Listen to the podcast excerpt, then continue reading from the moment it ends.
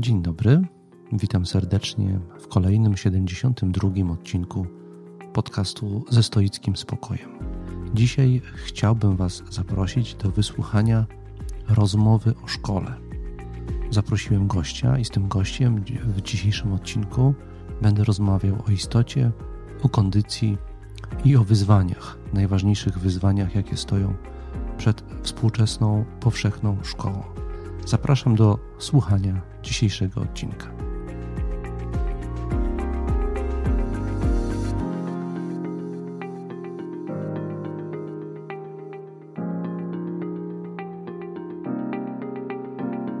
Pierwotnie planowałem, że odcinek poświęcony szkole zacznę od takiego stoicko-filozoficznego wprowadzenia, w którym zbadam i przybliżę naturę tego kulturowego fenomenu, jakim jest szkoła, albowiem szkoła nie jest czymś naturalnym i samooczywistym. My wszyscy chodziliśmy do szkoły, posyłamy do szkoły swoje dzieci, ale ona skądś się wzięła. I to, jak dzisiaj wygląda, jest efektem jakiejś historycznej ewolucji, która cały czas trwa i może jeszcze szkoła jako instytucja strukturalnie nie pokazała nam swojego ostatecznego oblicza, a może też tego ostatecznego oblicza nigdy nie pokaże. Chciałem trochę się nad tym pozastanawiać, nad tym, czym była szkoła, czym jest szkoła, czym mogła być szkoła, pozastanawiać filozoficznie. Jednak odstępuję od tego zamysłu, a to z tego powodu, że rozmowa z moim dzisiejszym gościem była na tyle interesująca i długa, że postanowiłem przenieść swoje refleksje bardziej osobiste, stoickie na temat szkoły do odcinka następnego. Na to więc możecie jeszcze czekać. A dzisiaj już teraz chciałbym przystąpić do realizacji mojej rozmowy, mojego wywiadu z osobą przeze mnie zaproszoną. Tą osobą jest Misza Tomaszewski, który z wykształcenia jest historykiem filozofii, z zamiłowania y, nauczycielem filozofii i pedagogiem. Mm, uczy filozofii, ale także teorii wiedzy. Znam go osobiście z miejsca, w którym pracuję, również jako bardzo oddanego i zaangażowanego wychowawcę. Mm, poza pracą dydaktyczną jest także publicystą, publikuje w magazynie Kontakt. Ideowo y, ten, ten magazyn lokuje się w obszarze chrześcijańskiej lewicy, tak y, mi to objaśnił Misza. Jest też członkiem redakcji tego magazynu i wreszcie wyznał mi, że od jakiegoś czasu pracuje, nosi się z myślą o tym, żeby napisać książkę poświęconą edukacji. Y, zatytułowana ta książka miałaby być po prostu rozmowy o edukacji z różnymi osobami. Misza Tomaszewski o edukacji rozmawia i chciałby z tych rozmów zdać w swojej pracy relacje. Czekając na tą książkę, która mam nadzieję, że prędzej czy później się ukaże, Dzisiaj chciałbym Was wszystkich serdecznie zaprosić do wysłuchania mojej rozmowy z Miszą Tomaszewskim.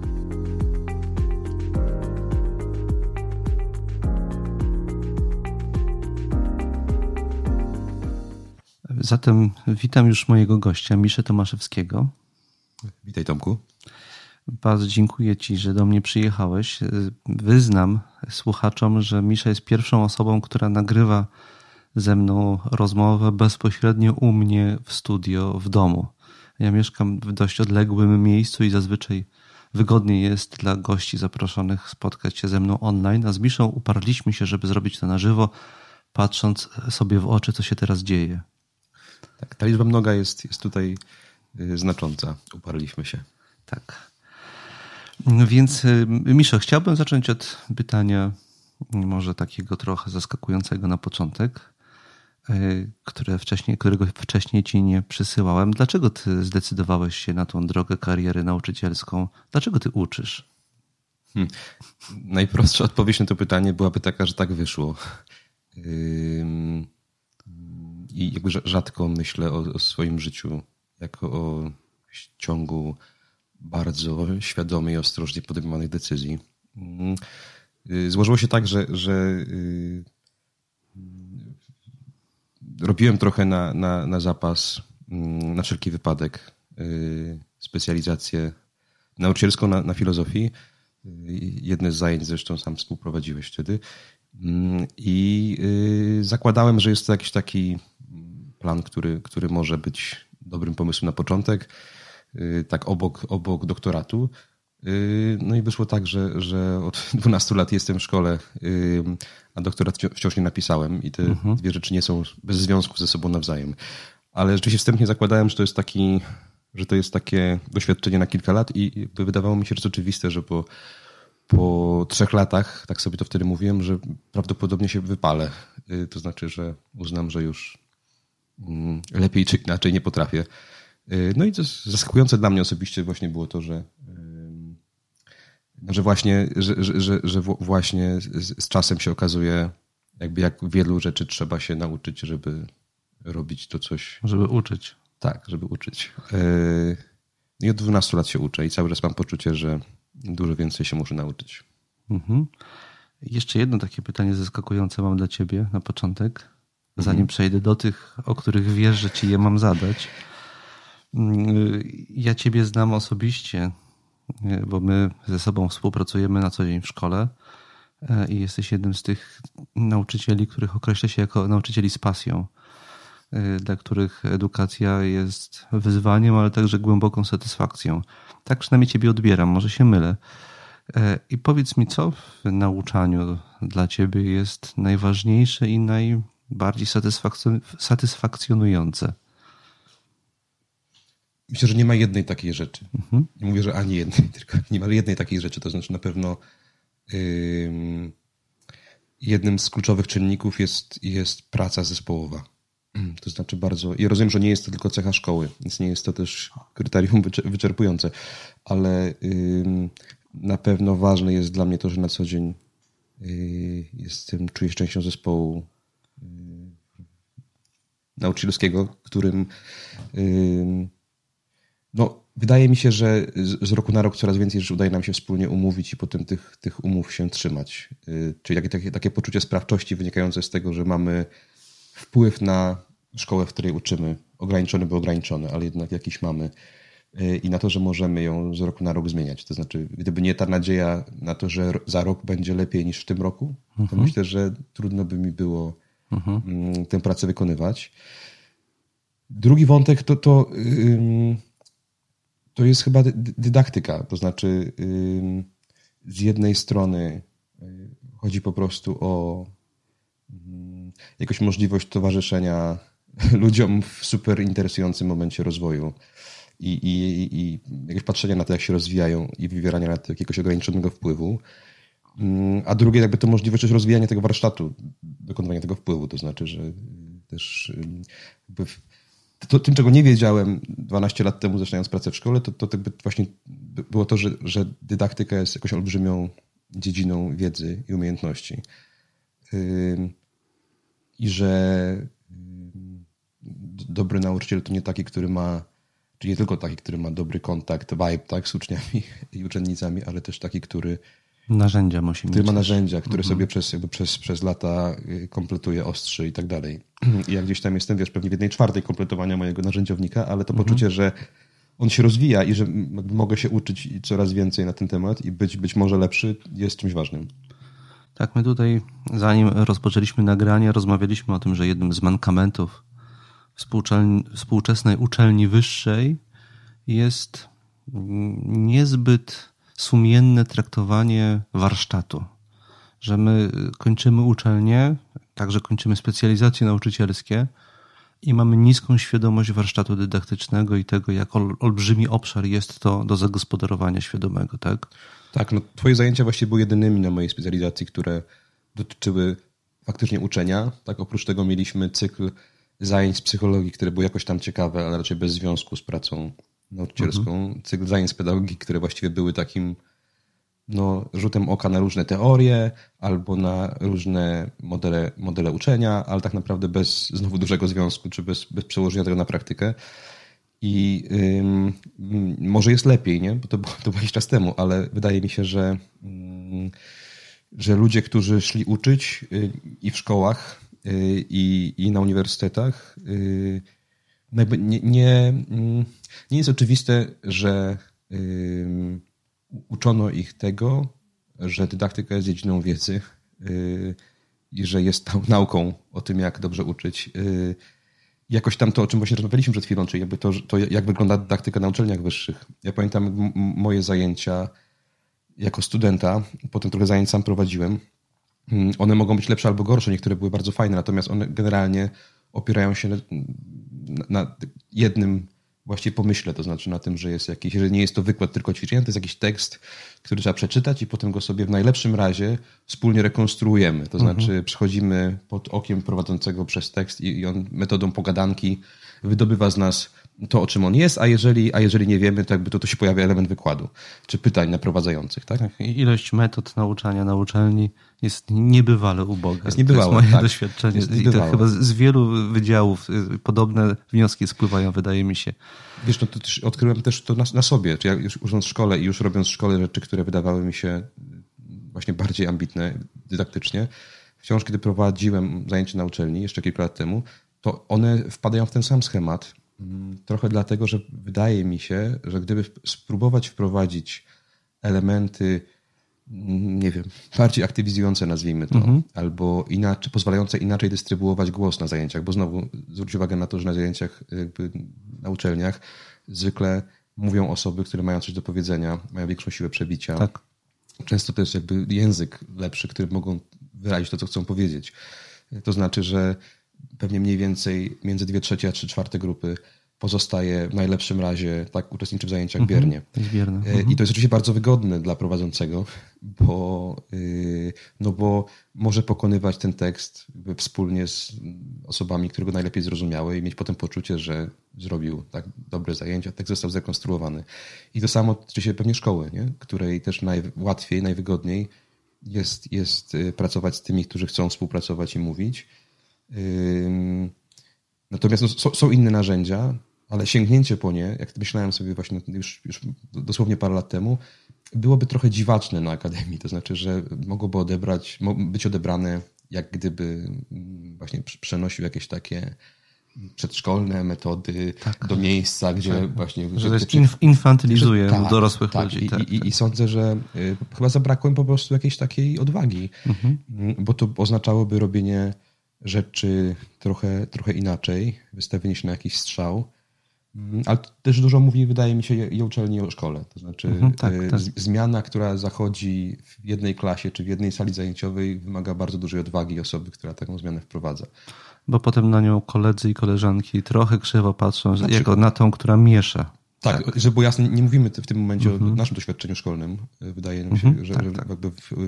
Wśród naszych kolegów, koleżanek jest bardzo wiele osób, które, e, które kombinują i, i robią rzeczy różnie i inaczej i tak dalej. Natomiast faktycznie e, no, bardzo trudno być jakimś takim samotnym, samotnym żaglem, e, który, no właśnie, tak, jakiejś zmiany. I to wydaje mi się łączyć i akademię, i szkołę. Pamiętam, y, żeby podzielić się krótko moim doświadczeniem, jak skończyłem mm, studia i rozpocząłem doktoranckie studia i zostałem wysłany na pierwsze moje zajęcia. Ja byłem pełen optymizmu i takiego naiwnego przeświadczenia, że wystarczy, że ja wiem i że ja im powinienem powiedzieć, co oni mają wiedzieć i oni to będą wiedzieć. To było moje wyobrażenie dydaktyki.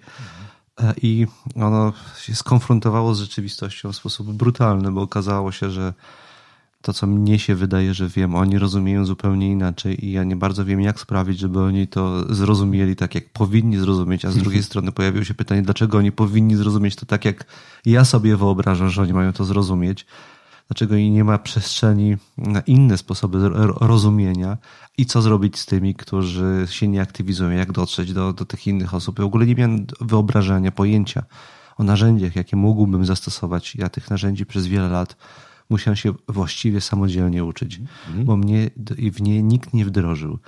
No właśnie, dosłownie kilka dni temu rozmawiałem o tym z, z moją przyjaciółką Alą, Alą Budzyńską, która uczy w, w innym warszawskim liceum no, że na, na, uczelni są chyba dwie możliwe, dwa możliwe wyobrażenia o dydaktyce. Znaczy jedno jest takie, że to jest coś, taki magiczny skill, który się ma albo go się nie ma. Mhm. Drugie, drugie wyobrażenie zakłada, że to jest coś, co sam, samo z siebie przyrasta wraz z twoim doświadczeniem. Twoją tytulaturą. Znaczy jakby im jest, dłużej jesteś na uczelni, tym y, prawdopodobnie lepszym jesteś dydaktykiem. Oba te wyobrażenia są fałszywe, to po pierwsze. A po drugie, ale oba też uniemożliwiają uczenie się tego. Tak? No bo jeżeli to się masz albo nie masz, albo jeżeli zakładasz, że to samo przyrasta, no to nie ma żadnego sensu, żeby jakoś tę wiedzę systematyzować, tak, czy bardziej świadomie przyswajać. I wydaje mi się, że pochodną jest jednak też to, jak patrzy się na, na nauczycieli. To znaczy, tutaj też jakby nie, dydaktyka nie wydaje mi się, żeby uchodziła za obszar poważny, jakiś poważny jakieś, który wymaga pracy i, i stąd osoby, które wykonują ten zawód są postrzegane które nadają się albo już nie nadają do zawodu. No.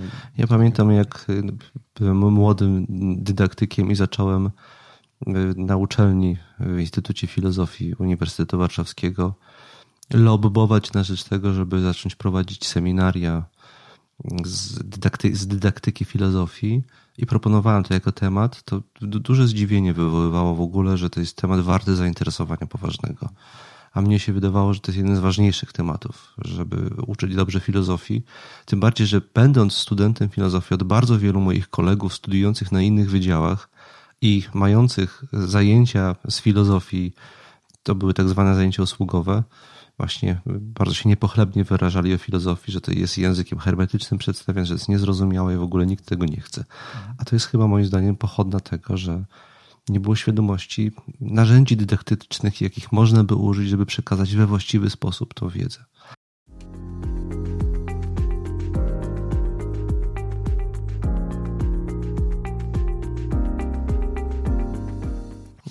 No dobrze, no to teraz już y, przejdę do, wydaje mi się, bardziej poważnych pytań.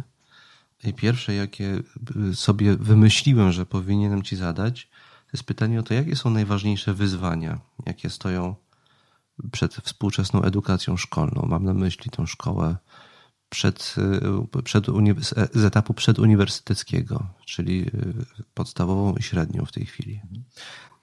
Pytanie typu killer, nie? No bo można, mhm. można mnóstwo rzeczy powiedzieć i część z nich będzie sensowna. Wydaje mi się, że dużym tych wyzwań jest, jest, jest kilka, które przyszły do głowy jako, jako najważniejsze.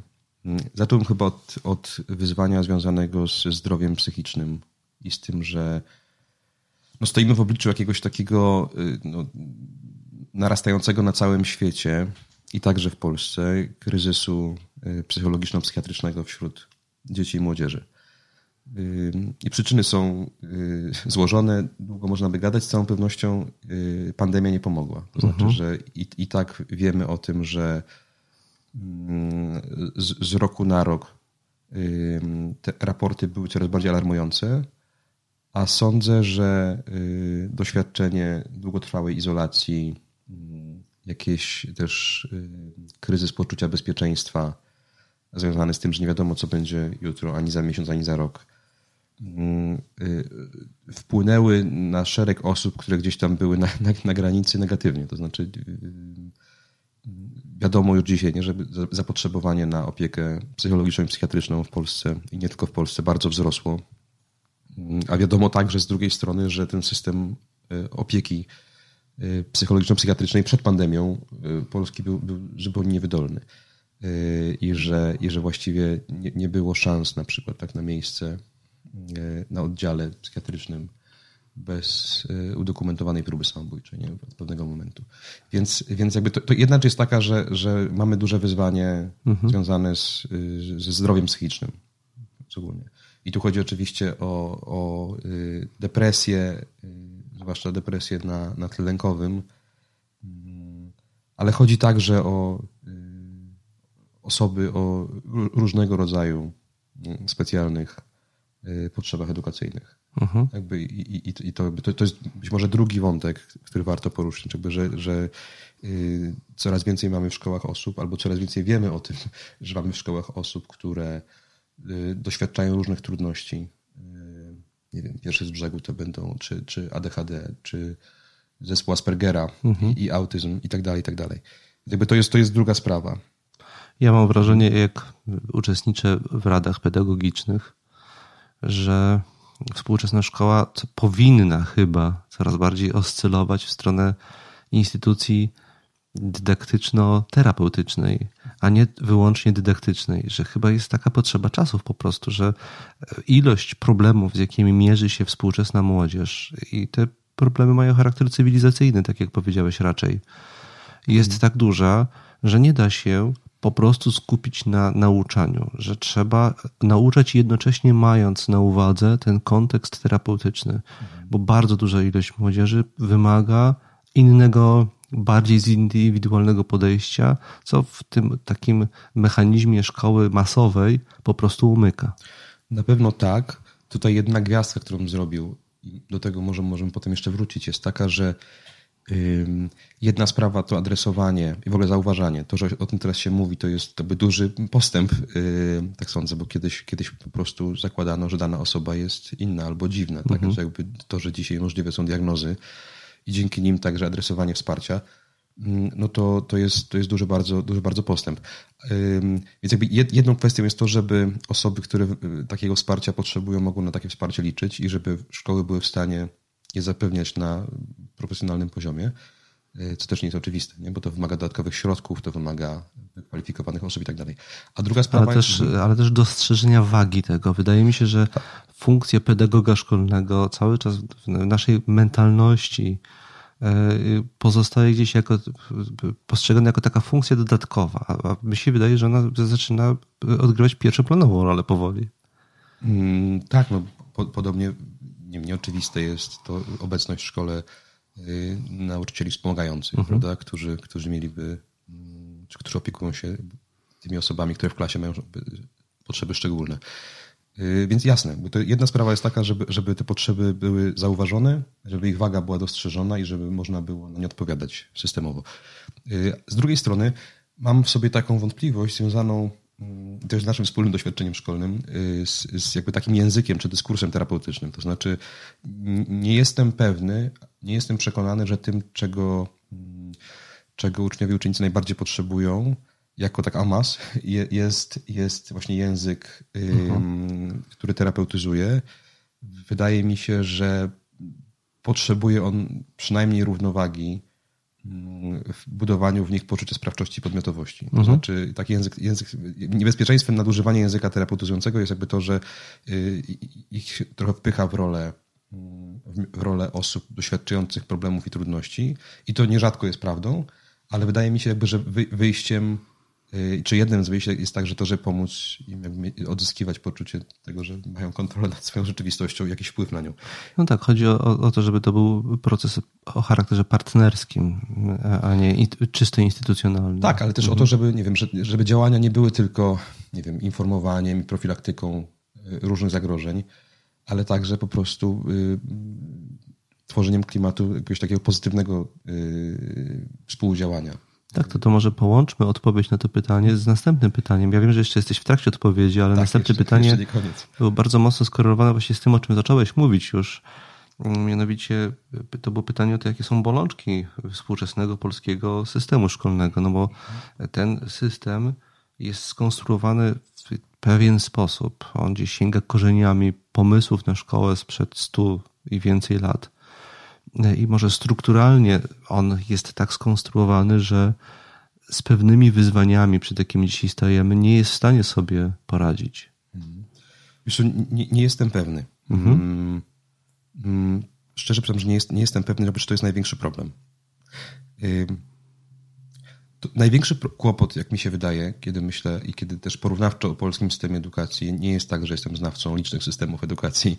Y, gdzieś tam moje doświadczenie po, poza polskie jest najbliżej związane z Finlandią i też nie jest doświadczeniem, nie wiem, jakimś y, bardzo, bardzo pogłębionym, ale y, to, to co mm, rzuca się w oczy, kiedy porównać system polski z tym systemem fińskim, który, który od lat uchodzi za jakiś taki mityczny, mityczny Wzorcowy. Wzorcowy, tak. Mhm. System sukcesu. I, I tą łatą swoją wzorcowością, zresztą Finowie są dość mocno zmęczeni przyjmowaniem kolejnych delegacji, które tam przyjeżdżają się od Sam byłeś w taką delegacją. Byłem, byłem nie, niedawno. Byłem, byłem, tak, byłem w kilku takich delegacjach, y, ale faktycznie y, cenniejsze być może nawet było nie tylko, nie tylko patrzenie na to, bo ta szkoła często wygląda całkiem normalnie, oprócz tego, że jest też lepiej doinwestowana, ale, ale y, cenne bardzo było rozmowa z ludźmi, którzy jakoś ten system na różnych szczeblach współtworzą.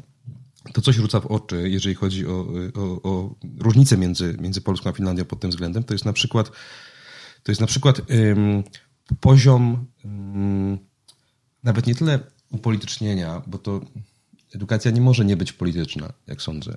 Y, ale upartyjnienia sposobu myślenia edukacji w Polsce. To znaczy y, to, że mm, zmiany wprowadza się u nas rewolucyjnie co kilkanaście lat y, na zasadzie jakiejś wielkiej reformy, a potem jej odkręcenia. Mm, wydaje mi się, że ma katastrofalne skutki na wielu poziomach. Także na takim poziomie, że szkoła po prostu nie jest instytucją, którą można zbudować z dnia na dzień. To jest y, system, który musi jakoś się ewoluować.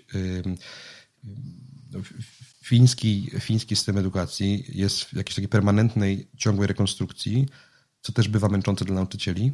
Natomiast y, ten kluczowa część reformy, która doprowadziła do tego, że Finlandia stała się tym symbolem edukacyjnego sukcesu, trwa około 30 lat. Mhm. I w tym czasie zmieniały się rządy. No, no one nie miały wpływu na dokładnie. kierunek. To znaczy, jakby, że mhm. jednak był, był konsensus y, dotyczący tego, mm, jaki kierunek te zmiany mają mieć. Mhm. I to był konsensus y, wśród specjalistów od tak, edukacji, dokładnie. a nie wśród polityków. Znaczy, wśród mhm. polityków także, to znaczy jest, jest tak, że y, po prostu y, autorstwo tej reformy w dużej mierze było tak pozapartyjne czy mhm. pozapolityczne, w takim sensie jakby, że, że ta reforma na początku wychodziła z fińskich uniwersytetów. Mhm. I ona znalazła poparcie polityczne i później jakby kontrakt polegał na tym, że, że, żeby nie dokonywać y, w tym systemie rewolucyjnych zmian, niezależnie od tego, kto, kto y, wygrywa wybory. Y, I to wydaje mi się jakby no dużo mądrzejszym podejściem niż, niż wprowadzanie co kilka lat zupełnie nowych reguł, reguł czy kilkanaście lat nowych I nowego programu dydaktycznego. Nowego programu. Mhm. No właśnie, bo to, to, to, co jest też pewnym, pewnym kłopotem, tak sądzę, to znowu nie, nie myśli się chyba na serio o badaniach nad edukacją, tym co one mówią yy, i, i, i yy, to prowadzi do, do wdrażania różnych pomysłów na zasadzie właśnie czysto takiej tożsamościowo-politycznej. Yy, sam pomysł, nie wiem, pomysł można było na pewno krytykować z wielu powodów pomysł, czy to jak funkcjonowały w Polsce gimnazja. Natomiast to inna sprawa, żeby coś zmieniać, a inna sprawa, żeby coś wyrzucać do kosza. Pamiętam taki list otwarty mm, takiego badacza edukacji Mikołaja Herbsta do, y, do ówczesnej minister edukacji Anny Zalewskiej, w którym pokazał punkt po punkcie, że te szczątkowe, nieliczne badania, na które się powołuje ministerstwo w uzasadnieniu projektu reformy, mm, po prostu nie mówią tego, co, co ministerstwo twierdzi, że mówią, że z żadnych mhm. badań nie wynikało, że y, gimnazja odgrywają tak złowieszczą rolę, jak to się wydawało mhm. wtedy politykom y, partii rządzącej, nie? Albo albo no, po prostu sądzę, że, że gdzieś tam szkoła staje się jakimś takim w Polsce projektem tożsamościowym, mhm. zakładnikiem, tak, projektu tożsamościowego raczej niż, niż miejscem, które Mm, ktoś wierzy, że należy systematycznie badać. No in, inny przykład to oczywiście cofnięcie y, tej reformy obniżającej wiek inicjacji szkolnej do 6 lat. Można bardzo krytykować to, jak on był wprowadzany jak był komunikowany ludziom. Myślę, że polska szkoła generalnie uchodzi za mało przygotowaną do pracy z najmłodszymi dziećmi. Więc to, że ludzie odczuwają lęk na myśl o posyłaniu ich jeszcze rok wcześniej do szkoły jest zrozumiałe. Mm, takiego lęku w wielu innych krajach nie ma, ale tam być może właśnie jest poczucie, że szkoła jest na to lepiej przygotowana. Natomiast pomysł, żeby to tak po prostu uwalić, a to się właśnie stało, jakby to jest, to, to jest zgroza, nie? No to znaczy y, ten jeden rok y, to jest y, tak naprawdę dwa lata. Mamy jeden rok, to jest ten rok inicjacji szkolnej. Drugi rok jest związany z, z gimnazjum, znaczy de facto istnienie gimnazjum wydłużało czas, czas edukacji szkolnej dla wielu osób o rok, z 8 do 9 lat.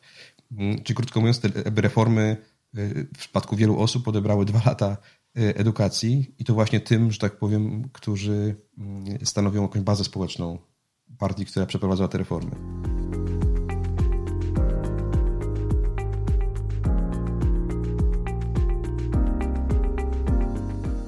Ja wiem, że ty masz jeszcze już do, do odpowiedzenia na pytania wcześniejsze, dodatkowe rzeczy, ale chciałbym na jedną rzecz zwrócić uwagę, która mnie chodzi po głowie w związku z pytaniem, które ci zadałem. E, no bo to było przynajmniej dla mnie trochę pytanie z tezą.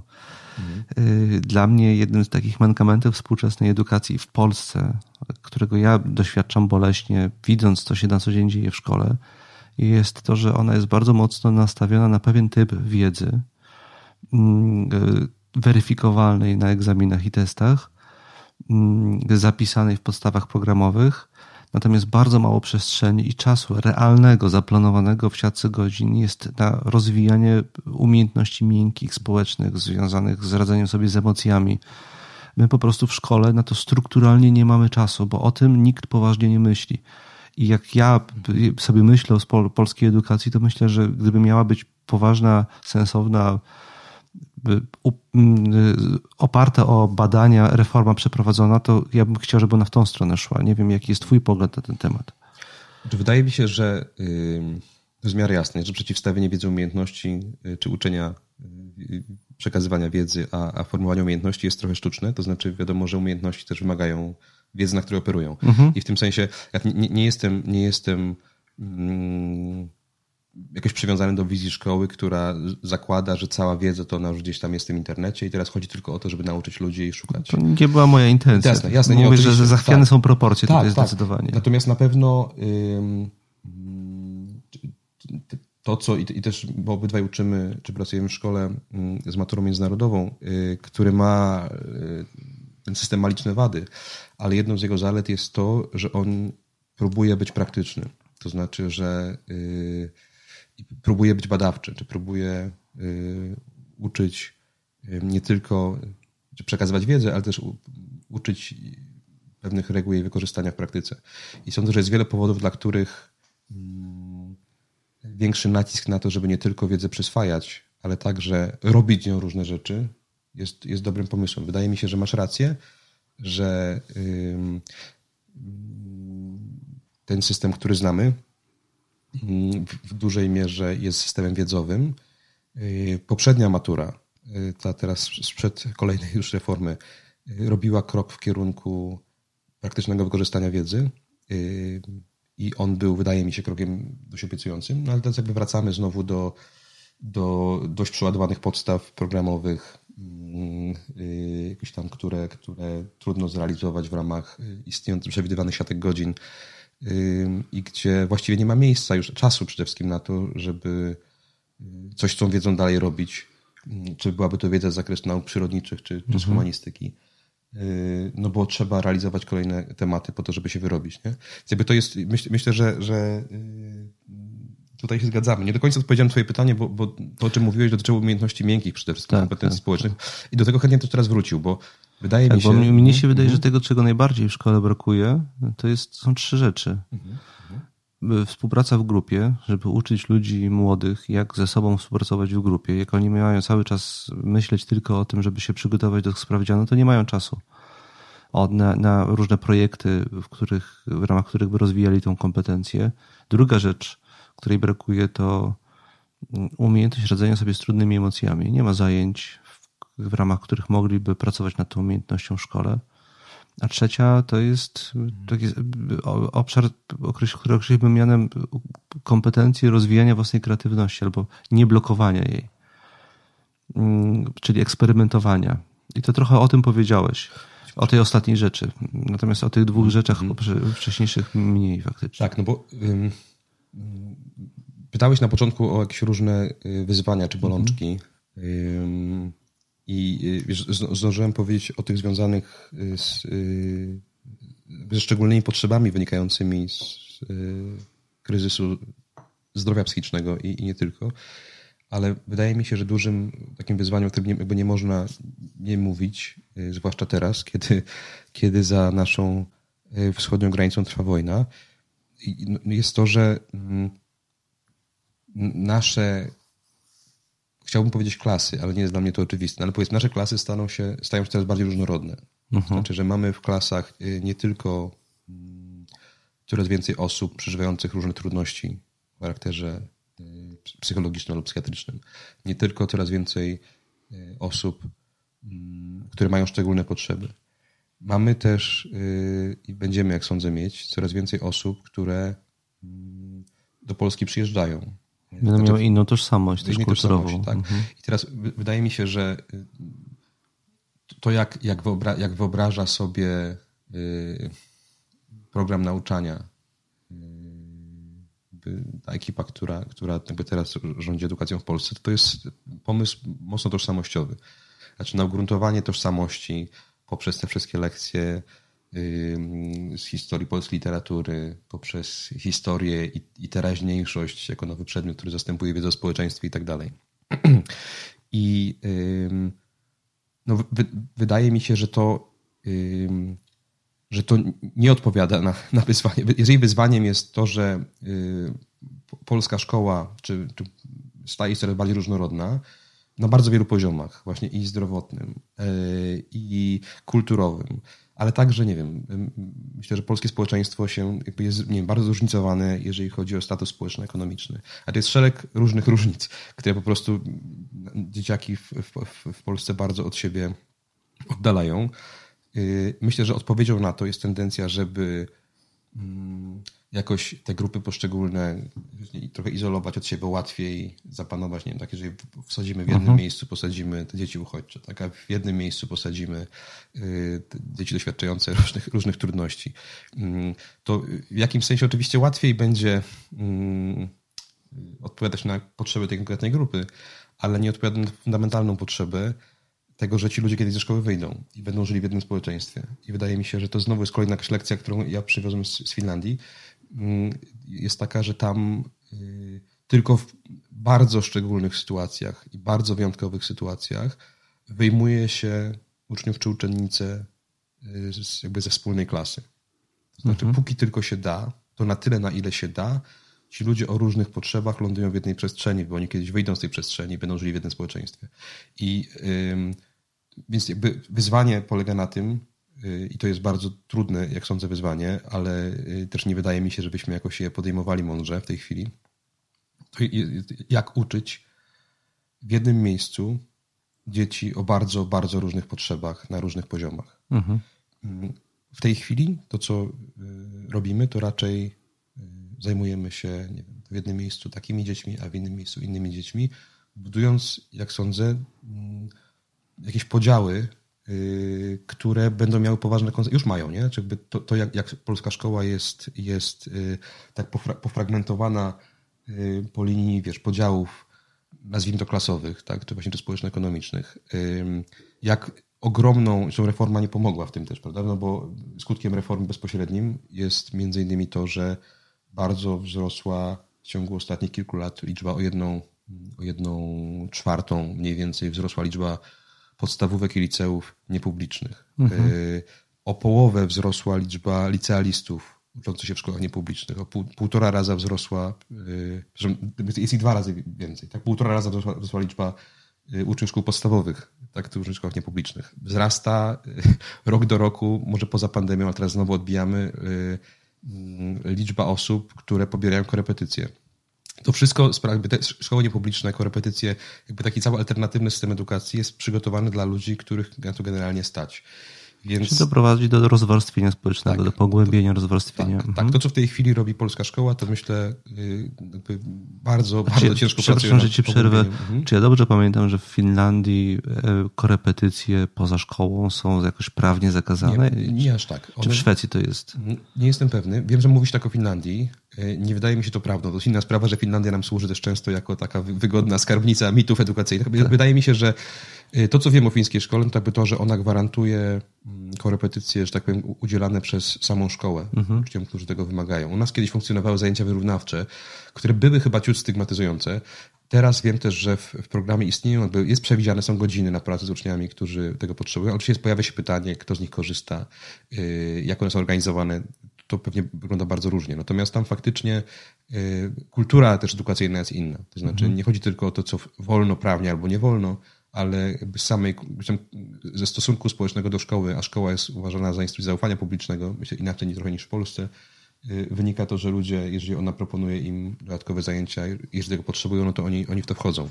Mm, natomiast, no, co na pewno czym się różni ta fińska szkoła od polskiej, to jest to, że my mamy w tej chwili jedną trzecią szkół niepublicznych w Polsce. Mm, to jest nieprawdopodobne. Jedna trzecia szkół, które w Polsce funkcjonują, są szkołami niepublicznymi. W Finlandii to jest kilka procent i to mhm. chodzi o szkoły eksperymentalne albo właśnie dla osób już o wyjątkowych potrzebach edukacyjnych albo religijnych. Mhm. Więc to, to jest też pytanie o to, jakby czy zakładamy, że istnieje jakiś system edukacji, który jest przestrzenią łączącą ludzi, którzy pochodzą z różnych miejsc, kultur, grup społecznych i tak dalej, i oni się nim spotykają, czy zakładamy, że edukacja jest towarem na rynku edukacyjnym, tak, który kogo stać, ten kupi sobie towar o lepszej jakości, w lepszym miejscu, pod opieką troskliwych nauczycieli, którzy zaopiekują się dzieckiem, pomogą mu yy, na ile będą potrafili zdać egzamin i dostać się na uczelnie wyższe, a yy, to, kogo na to nie stać, no to musi zadowolić się placówkami publicznymi, w których tak naprawdę wiele zależy od tego, jakby na jak heroiczne osoby się trafi. Więc. No, i, no. o ile ja się orientuję, jest to jeden z pomysłów współczesnej myśli neoliberalnej, czyli libertariańskiej, żeby edukacja w ogóle nie znajdowała się pod opieką państwa, tylko żeby to była funkcja sektora prywatnego. No tak, ale to znaczy de facto jakby, że ona staje się towarem. To tak. znaczy, że kogo stać, ten kupi towar. Cała ta opowieść o tym, że damy ludziom bony edukacyjne i oni będą wydawać je tam, gdzie chcą, jakby jest, jest, jest tak grubymi nićmi szyta. I konsekwencje są tak, nie wiem, no wystarczy spojrzeć pewnie na, na y, system, przynajmniej pewne elementy systemu amerykańskiego, prawda? I y, wydaje mi się, że już w tej chwili funkcjonuje u nas taki system do połowy zderegulowany, prawda? Rejonizacja jest całkowicie do ominięcia, prawda? Mhm. Jak ktoś, wystarczy przepisać się do, do, babci, nie? do cioci gdzieś tam, żeby ją, ją, sobie obejść. Tak naprawdę nie dotyczy w ogóle już y, też liceów. I y, mm, to, to, co chcę powiedzieć, no to, to rzeczywiście, że to jest, to jest ogromne zagrożenie, to jest duża bolączka systemu. Yy, jeżeli mm, składam pewną obietnicę wszystkim, ale tak naprawdę spełnia tylko wobec osób, które na to stać. Yy, I domykając już zupełnie odpowiedź na chyba pierwsze z Twoich pytań yy, o to właśnie, jakie, jakie są wyzwania, no bo wspomniałem, wyzwaniem jakby jest moim zdaniem to, jak wiele różnych różnic się zaznacza teraz. Być może dopiero one istnieją od dawna, ale, ale jakby od stosunkowo niedawna wchodzą do, jakby do obszaru zainteresowania publicznego, no to yy, absolutnym priorytetem, wydaje mi się, powinna być refleksja nad y, y, statusem zawodowym nauczyciela. Znaczy, tak, no bo na, tak naprawdę mm, trochę nic dziwnego, że, że y, nie wiem, poziomujemy grupy, że mm, próbujemy tworzyć jakieś nie wiem, rodzaje, rodzaj przestrzeni adresowanych do osób o poszczególnych potrzebach, zamiast je łączyć, no bo prowadzenie zajęć w sali, w której jest kilka grup ludzi o zupełnie innych potrzebach jest ekstremalnie trudne. Po prostu jest przygotowanie kilku lekcji naraz i prowadzenie kilku lekcji naraz. Tak to mogłoby wyglądać, yy, natomiast nie wyobrażam sobie tego, żeby tak to właśnie wyglądało w świecie, w którym zarazem nauczyciele są jakby skopaną grupą społeczną, skopaną na wiele sposobów. Możesz doprecyzować termin skopano. Skopano. No nie, jasne, że mogę. Termin, to, to co rozumiem przez skopanie, um, oznacza nie, nie, tylko bardzo niski prestiż zawodu nauczyciela, i, który jest związany na pewno też z niskimi wynagrodzeniami, ale też aktywne skopanie związane z sytuacją strajku na przykład. Mhm. to jak, jak skończył strajk nauczycieli, który był strajkiem w dużej mierze godnościowym. Yy, yy, to jakby został, zostali wzięci głodem, że tak powiem. Yy, prawda? I strajk został rozbity i, i media publiczne wzięły bardzo tak aktywny udział w tym, żeby nauczycieli jako grupę społeczną mm, tak spozycjonować, zdyskredytować. zdyskredytować. I mhm. wydaje mi się, jakby to jest, to jest dla mnie niewiarygodne. Znaczy jakby ten pomysł na to, żeby, żeby jakakolwiek partia y, i media, tak, y, które jakby z, nią są związane, brała na cel taką grupę zawodową jak nauczyciele, którzy, tak, którzy, którzy uczą i wychowują no każdego, kto trafi do szkoły w Polsce, to, to wydaje mi się jakimś absurdem. Znaczy już teraz nauczycieli brakuje, brakuje ich coraz więcej. Y, a czy to jest takie pod, podcinanie tak krótkowzroczne działanie, że aż nie chce mi się w to wierzyć, mhm. że ktoś jakby kto podjął to działanie, y, mógł mieć jakiekolwiek sensowne intencje. Ja może dodam też taki kontekst administracyjny, bo y, zwykły człowiek tego nie wie. Z pracą nauczyciela z każdym kolejnym rokiem wiąże się coraz większa odpowiedzialność. Mm, I ta odpowiedzialność w pewnym momencie stała się nieproporcjonalna w stosunku do pensji wielu nauczycieli za podobną pensję można wykonywać dzisiaj w Polsce dużo mniej odpowiedzialne y, y, działania, y, zawody. mm, i tą odpowiedzialność rzadko się o niej mówi. Jakie konsekwencje może ponieść nauczyciel za błędy w sztuce? I, i, i faktycznie zdarza się, że, że, że ponosi.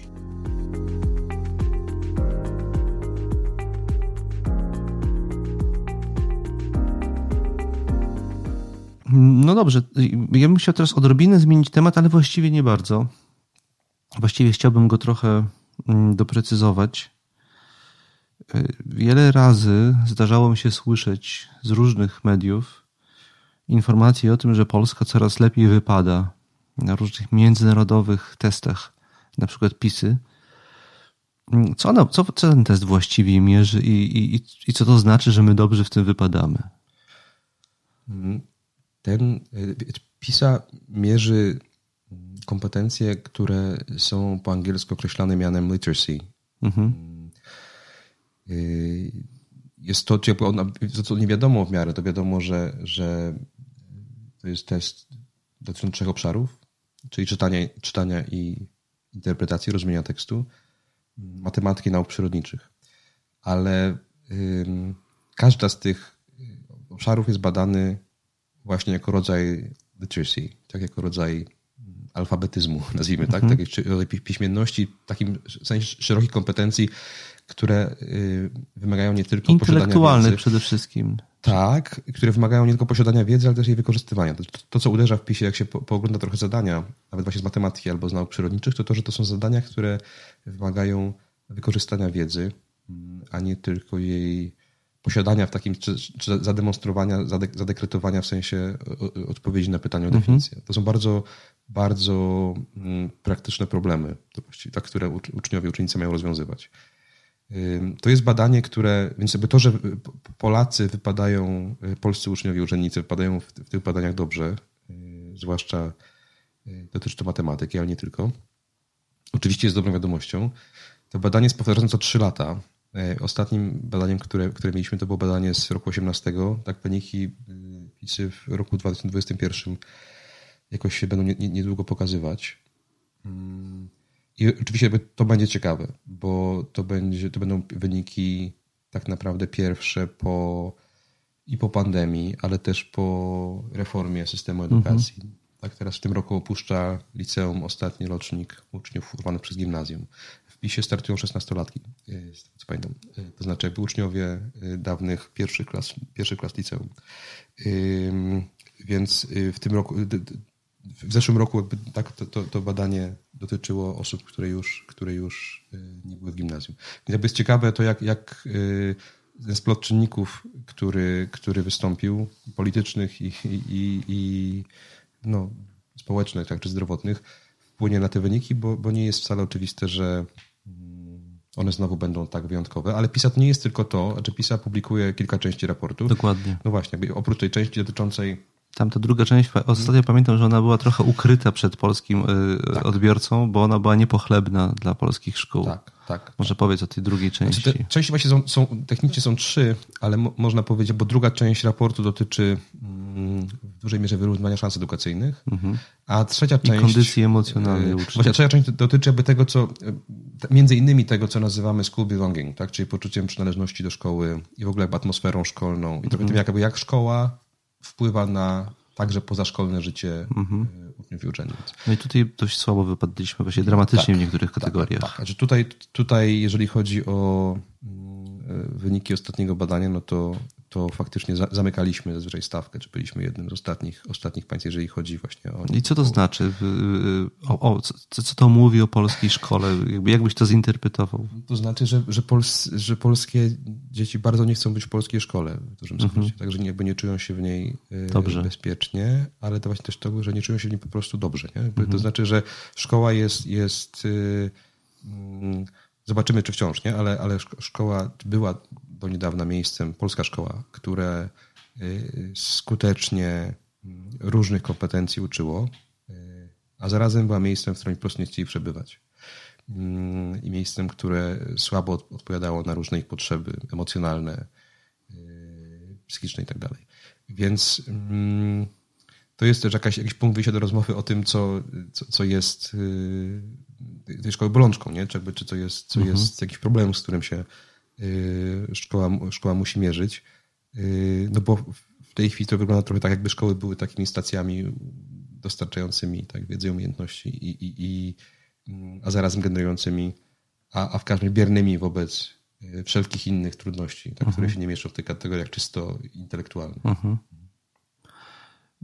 Inne pytanie miałem z tej samej kategorii, ale właściwie już częściowo na nie odpowiedzieliśmy, ale może chcesz jeszcze coś dopowiedzieć. Co właściwie mierzą? Co są w stanie zmierzyć testy ośmioklasisty i testy maturalne? Bo... To jest trudne pytanie. Ja też nie, nie, nie czuję się, y, nie czuję się w tym obszarze y, ekspertem. Y, wydaje mi się, że taki nasz sceptycyzm wobec egzaminów w ogóle może być przerośnięty, bo egzaminy mogą być skonstruowane mądrze i niemądrze. Mhm. Wydaje mi się, że tak jak wspominam, jak zmieniła się na przykład matura z filozofii, chyba w 2015 roku, to była pierwsza matura nowa, znaczy już nieaktualna, ale wtedy nowa, y, no, zaskoczyło mnie pozytywnie właśnie pójściem w taką stronę, że test także może mierzyć ważne i sensowne rzeczy. Można zadawać pytania w taki sposób, żeby się wiele dowiedzieć. I żeby sprawdzić nie tylko, czy ktoś zna definicję pojęcia X albo wie, w którym roku było Y, ale może też sprawdzać, jeżeli jest dobrze skonstruowany, to czy dana osoba potrafi jakąś wiedzę wykorzystywać, czy potrafi, wiem, czy potrafi porównywać.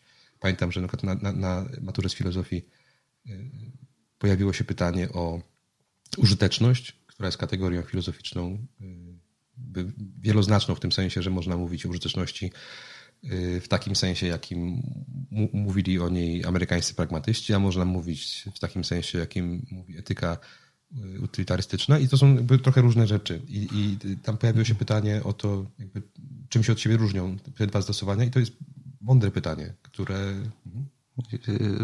Ja się troszeczkę zawstydziłem teraz po tym, co ty powiedziałeś, bo po pierwsze ja byłem w zespole, który budował wytyczne do matury właśnie wtedy, w 2015 roku, mm, z kilkoma innymi specjalistami. E, między innymi tam w tym zespole był, ojejku, teraz już e, nie, nie, nie pamiętam, nie, nie, nie, nie chcę czegoś przekręcić. W każdym razie byłem w tym zespole i i to pytanie to było, ja byłem autorem tego pytania, które. No pamiętam. Tak, to jest, tak, ale krótko mówiąc to, że takie pytania mogły się pojawić, yy, yy, już niezależnie od tego, kto był ich autorem. Jest to, to, to słuchaczom mówię, to nie było przygotowane, to wyszło przy, zupełnie spontanicznie. Tak. Ciekawe. W każdym razie, więc to, czy egzaminy są mądre czy nie, to jest, jakby to jest, to jest jedna sprawa. Druga sprawa, wydaje mi się, dużo ważniejsza, jest taka, co od niej zależy. To znaczy, czy egzamin, y, tak zwane egzaminy wysokiej stawki, y, mm, to są egzaminy, od których zależy mm, los ucznia czy uczennicy na kolejnym etapie edukacyjnym. Prawda? I do niedawna wręcz egzaminów mieliśmy w Polsce trzy. To jest bardzo dużo. Tak? Był egzamin zdawany na koniec sześcioletniej szkoły podstawowej, później był egzamin na koniec gimnazjum, potem była matura. I każdy z nich był na y, swój sposób egzaminem selekcyjnym. To znaczy, że mhm.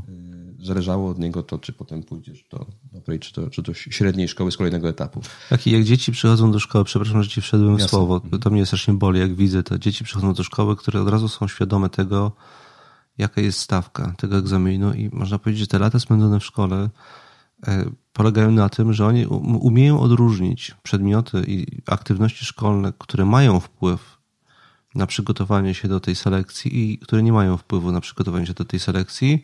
Mm, I oni, oni sprawiają tym sposobem myślenia, że niektóre y, przedmioty i wyzwania kompletnie lekceważą, a na niektóre się nastawiają z bardzo dużą presją i stresem. Tak, to, to, to oznacza, że y, zdanie egzaminu staje się celem samym w sobie, mhm. prawda? Że te egzaminy się trochę alienują. Tak że szkoła służy głównie do przygotowania do egzaminów. To nie musi, właśnie, to, to chciałem powiedzieć, to, że nie musi tak być. To znaczy, że wydaje mi się, że mądrze skonstruowane egzaminy, mm, których celem jest na przykład raczej udzielenie informacji zwrotnej, gdzie jesteś, y, tak?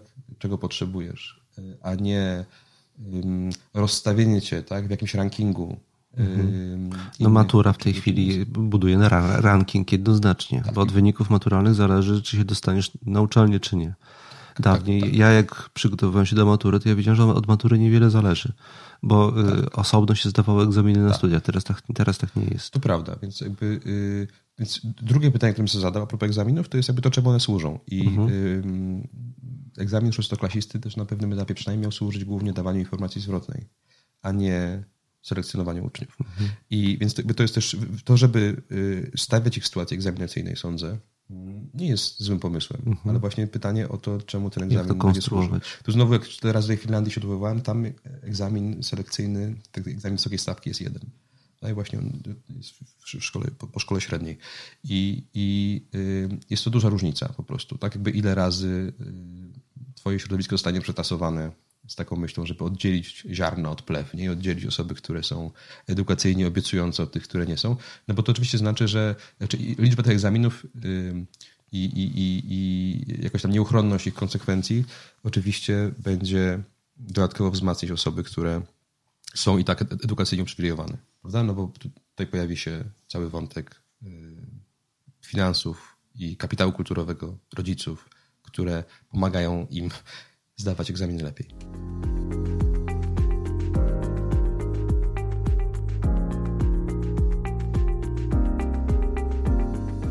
Okej, okay, no to y, Miszo, bardzo Ci dziękuję za te wszystkie Twoje y, światło odpowiedzi. Mhm. I mam na koniec dwa pytania jeszcze. Jedno, pierwsze będzie trochę podsumowujące i dwuczłonowe. Gdybyśmy mogli spróbować spuentować naszą rozmowę i sprowadzić ją do jakichś takich najważniejszych punktów i spróbować odpowiedzieć na pytanie brzmiące następująco. Czego dzisiaj od szkoły przede wszystkim potrzebuje trafiający do niej uczeń, a czego od szkoły potrzebuje świat, do którego później ten uczeń wychodzi? Mhm. Wiesz co, no, y, to pytanie jest dlatego trudne, mm, że jednym z wyzwań, o których mówiliśmy na początku, jest właśnie to, że w szkołach uczą się mm, dzieciaki o bardzo różnych potrzebach. Y, I że y, pewnie można, i zaraz spróbuję jakoś to ogólnić, ale duże wyzwanie polega właśnie na tym, mm, że ich potrzeby są bardzo, bardzo różne. I dlatego dużą pokusą jest to, żeby ich dzielić na grupy, w których będzie łatwiej odpowiadać na potrzeby jednych albo drugich a wydaje mi się, że y, i oni, i świat y, potrzebują raczej łączenia niż dzielenia. To znaczy, uh-huh. szkoła jako miejsce spotkania, które oswaja y, z różnymi różnościami, jest potrzebne zarówno ludziom, którzy w tym świecie będą później żyli uh-huh. po szkole gdzieś tam i będą, będą być może spotykać. To też jest jakby znak zapytania, no bo, bo mm, ten świat, który znamy, jest też tak skonstruowany, że wiesz, że, że, drogi różnych ludzi się mogą po prostu już nie przecinać. Nie? Dla mhm. mnie sam, sam wiesz, przyjazd do ciebie z warszawskiego Żoliborza yy, i z przesiadką w Tarchominie jest, jest rodzajem też podróży w tej chwili yy, do miejsc, których właściwie nie mam odwiedzań, nie, odwiedzam, nie mam, nie mam takiej potrzeby na co dzień. Yy, to jest to samo miasto, tylko z nazwy. Więc, ale to, to może w nawiasie. Wciąż wydaje mi się, że bezpieczniej z myślą by o uczniach i uczennicach jest przygotowywać ich na to, że wokół nich są ludzie o różnych potrzebach, Y, czy to psychologicznych, czy to, y, czy to kulturowych, y, czy to ekonomicznych i tak dalej. Czyli mówisz o wrażliwości społecznej trochę, tak? Tak, mhm. ale też jakby o, o, konkretnych kompetencjach, no bo ja, ja, się uczyłem jeszcze w szkole jak najbardziej publicznej. Moja ośmioletnia podstawówka mieściła się w Śródmieściu, zapewne jakby już samo to, to były lata 90., a więc myślę, że jeszcze Y, tak o niej myślę dzisiaj, może to jest fantazja, ale myślę o niej dzisiaj, że to było miejsce, gdzie spotykali się bardzo różni ludzie. Wciąż to była Warszawa, nie? Ale, ale, y, ale jak pamiętam moich koleżanki z tamtego czasu i to, co wiem o nich dzisiaj, y, myślę, że przychodziliśmy z bardzo różnych miejsc i potem w różne miejsca trafiliśmy. Więc nie chodzi tylko o, o wrażliwość, ale chodzi też o kompetencje komunikacyjne. Mhm. Znaczy o to, tak. że jeżeli wychodzisz ze szkoły, to jesteś w stanie mm, porozmawiać z, z osobami, które, które wyglądają, zachowują się i mówią inaczej niż ty. Dzisiaj coraz częściej to profesor Szkudlarek, y, świetny wydaje mi się filozof e, edukacji i, i z, z, z Gdańska, znaczy coraz częściej do komunikacji między różnymi grupami ludzi właściwie potrzeba ludzi od komunikacji międzykulturowej, tak? bo różnice między czy społeczne, międzyklasowe stają się jakby tak odległe, że właściwie rozmawiają ludzie z różnych kultur. Y, dzieciakom z naszej szkoły jest dużo bliżej do ich rówieśników, tak, z y, innych pewnie tak dość elitarnych szkół w europejskich stolicach, nie tylko europejskich, niż do dzieciaków uczących się w szkole publicznej w Polsce Powiatowej. Więc to jest, to jest jedna rzecz. Wydaje mi się, że potrzebuje tego także świat, to znaczy mm, świat, w którym ludzie nie potrafią ze sobą rozmawiać, nie wiedzą właściwie też w dużej mierze o mm, istnieniu osób o innych zupełnie właśnie nie wiem, tak profilu społecznym, jest światem dużo mniej bezpiecznym, mhm. bo, bo jest światem, w którym y, reakcją, reakcją na inność y, no jest lęk y, albo agresja. Agresja też myślę, że wyrasta z lęku. Ja pamiętam też do, do dzisiaj, nie chciałem nadużywać też tego wspomnienia, bo to jest jakaś anegdota, ale kiedyś, i wspominam o niej czasami jako ilustracji, więc przepraszam, jeżeli się powtarzam. Kiedyś wraz z naszą szkolną, z gimnazjum jeszcze, drużyną, która brała udział w debatach oksfordzkich, pojechaliśmy na debatę do y, technikum warszawskiego. Y, to technikum miało świetną drużynę.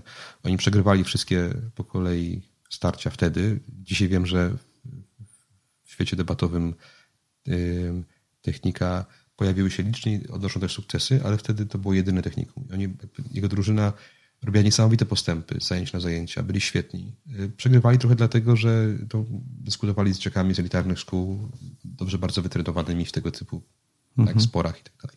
Ciekawe było to, że y, kiedy trafiliśmy na korytarz i to jakby te dzieciaki z naszej szkoły już dzisiaj po, po studiach na pewno y, dobrze ubrane, w dopasowanych marynarkach, nie? Y, jakby spotkały mm, dzieciaki z właśnie z, z technikum gdzieś tam na, na, na peryferiach Warszawy, to pierwszą reakcją na tę inność, znaczy zaraz po zaskoczeniu, że kto to jest i, i, i czego chce, były różne formy agresji. Albo fizycznej, albo werbalnej, ale to było dla jednych i drugich bardzo trudne doświadczenie. Mhm. Jest tam na myśli, że świat, myślę, że też potrzebuje szkoły, która będzie miejscem spotkania, a nie miejscem selekcji i segregacji. A dzisiaj trochę ona tak wygląda jak, jak miejsce segregacji. Tak sądzę, mhm. tak sądzę. Drugą rzeczą, którą chciałem jednak wspomnieć jeszcze, to, to jest to, o co, o co zawadziliśmy na samym początku, mhm. Y, przy okazji rozmowy o języku terapeutycznym. To znaczy, wydaje mi się, że szkoły też potrzebują, jeżeli mówimy o tych wyzwaniach, y, nie wiem, i, i o tym kryzysie zdrowia psychicznego, i o y, wysokiej stawce, tak, jak, jaką jest dostanie się lub nie dostanie do y, wybranej placówki. Mhm. A tak jakby życie mm, zarówno, jeżeli, jeżeli edukacja jest rodzajem wyścigu, to zarówno wygrywanie, jak i przegrywanie w tym wyścigu jest bardzo wykańczające emocjonalnie. I to, co myślę, to yy, trzeba szukać narzędzi, które pomogą budować w szkole właśnie to, co PISA pokazuje, czego w polskiej szkole nie ma, czyli budować szkole bezpieczne, mm, bezpieczną przestrzeń, w której Y, uczniowie, uczennice będą mogli ze sobą żyć y, i też mierzyć się z trudnościami nie samotnie, które ich dopadają i z tymi lękami, które, które są przed nimi. I y, nie chodzi tutaj tylko o to, żeby właśnie bezpieczną przestrzenią były warsztaty psychologiczne, na których będziemy im dawali narzędzia, nie wiadomo jakie, żeby te problemy rozwiązywali. Wydaje mi się wręcz, że dużo skuteczniejsze na przykład jest, jest myślenie w kategoriach Mm, tych szkolnych klas, y, które są rodzajem małych wspólnot, nie? gdzie też y, wiadomo, że trafiamy raz lepiej, raz gorzej, wychowawcy są różni, ale co do zasady myślę, że bycie w grupie ludzi y, i mierzenie się z pewnymi wyzwaniami wspólnie jest lepsze niż... Czyli na przykład niż, więcej niż godzin wychowawczych, które mają bardzo konkretny program. Na tak, chociaż tak. myślę, że mhm. pan minister Czarnek z radością taki program dla nas napisze, więc oczywiście w, w tym, co mówimy, jest, jest, jest, też, jest też jakaś pułapka. Ale chodzi mi też o to, że to, co oswaja, tak wierzę głęboko w to i też jak rozmawiałem z ciekami z mojej klasy o, o, o wojnie w Ukrainie, jakby to też ten wątek wracał, że tym, co pomaga oswajać lęk, jest robienie rzeczy, czy aktywność pewnego rodzaju. Mhm. I ona może być z bardzo różnego poziomu. Y, u mnie w klasie jest, jest jakby okazało się, że te wrażliwości są tak różne, że to, na co wszyscy się umówiliśmy ze sobą, jakby to, co próbujemy robić razem wszyscy, to jest nauka, znaczy nauka, dużo powiedziane, nie? ale jakieś takie podstaw języka ukraińskiego. Że to jest takie działanie, na które ka każdy jest zdolny, żeby go podjąć i jakby nie przekracza jego mhm, lub jej tak, granic. Natomiast sądzę, że tak w ogóle takie elementy pedagogiki kuroniowskiej związanej z tym, że jakby jest jakiś zespół, który mm, realizuje jakieś zadania wspólnie, tak z myślą o najpierw nawet o sobie samym, a potem mhm. o innych także, tak, że, że w działaniu, wspólnym działaniu na rzecz albo najpierw siebie, potem innych, buduje się też poczucie sprawczości, podmiotowości i zaradność jakaś taka. Y, więc to byłoby coś, co wydaje mi się Ja pamiętam, że u nas w szkole był taki projekt uczniowski kiedyś. Y, kilkoro uczniów się do mnie zgłosiło z takim pomysłem. To byli uczniowie ze starszych roczników, żeby robić zajęcia takie ala korepetencyjne dla uczniów z młodszych roczników. I to był ich projekt y, społeczny, który realizowali i mnie się to bardzo podobało. I, i, ale oni potem musieli z tego zrezygnować, bo nie mieli czasu no to, bo musieli się przygotowywać do egzaminów. Hmm. I właśnie chodzi o to, żeby oni mieli więcej czasu na takie rzeczy i żeby to było systemowo możliwe i jakoś wpisane w samą logikę działania tego systemu szkolnego, żeby uczniowie takie, takie projekty mieli poczucie, że, że właśnie po to są w szkole, żeby takie rzeczy robili. Tak? tak no, wydaje mi się, że tak w naszych wyobraźni społecznej jakiś taka język czynów społecznych jest jakiś skompromitowany yy, i to też może utrudniać myślenie o robieniu rzeczy razem dla innych inaczej -hmm. niż jako jakimś pokazowym frajerstwie. Ale myślę, że to ma yy, jakby tym chodzi też przede wszystkim nie o rozwiązywanie cudzych problemów, ale naprawdę jakby w działaniu wspólnym działaniu też takie jest moje doświadczenie życiowe, nie? Że w tym, że jest się w, sta w stabilnej grupie ludzi, yy, których się zna i po latach nawet jak się jakby za nimi nie przepada, to oni są nasi w jakimś sensie. Yy, I robienie w tej grupie razem yy, rzeczy, które są trudne, ale nie za trudne, to jest myśl, myśl też jakaś tam kuronia, nie? I, i to, że w w tej grupie nie ma rozdanych ról w taki sposób, że jest, nie wiem, jakiś przewodniczący, który, tak, no bo to jest też, wchodzimy w ogóle w nowy obszar samorządności szkolnej, tym jak ona funkcjonuje w szkołach, czy jako mikropolityka. I, I to, że w dużej mierze te wszystkie wybory na, na przewodniczących się opierają na składaniu obietnic, czego to oni dla szkół nie zrobią, jakby to jest strasznie niewychowawcze myślenie. To znaczy, wydaje mi się, że du dużo mądrzejsze wychowawczo jakby jest to, kiedy mm, odpowiedzialność za różne obszary rotuje i jest rozproszona. I kiedy nie jest tak, że jedna osoba robi, załatwia dla innych coś i coś im obiecuje i potem robi to albo nie, tylko dużo mądrzejsze właśnie wydaje mi się to, że jest jakiś zespół, który dzieli się zadaniami yy, i w którym role też się zmieniają. Yy, no stąd moje duże przywiązanie, yy, moje dzieciaki z klasy wychowawczej trochę pewnie mają tego dosyć, ale moje przywiązanie do losowania jako narzędzia, które jest często dużo, dużo i bardziej sprawiedliwe, ale też dużo mądrzejsze wychowawczo niż y, jakieś kampanie wyborcze i głosowania. Miszo, y, dalsza część naszego wywiadu w dogrywce dla patronów, a już teraz w tej podstawowej części chciałem bardzo serdecznie podziękować Ci, że odwiedziłeś mnie na Choszczówce że musiałeś odwiedzić te nieznane części Warszawy e, i przyjechać do mojego studia nagraniowego i porozmawiać ze mną o edukacji. Bardzo Ci dziękuję. E, dzięki Tomku. No właśnie czuję, że moje krzesło staje się bardziej miękkie im bliżej tej części dla patronów jesteśmy. E, coraz bardziej wygodne. Dzięki za możliwość przyjechania tutaj na z Tobą.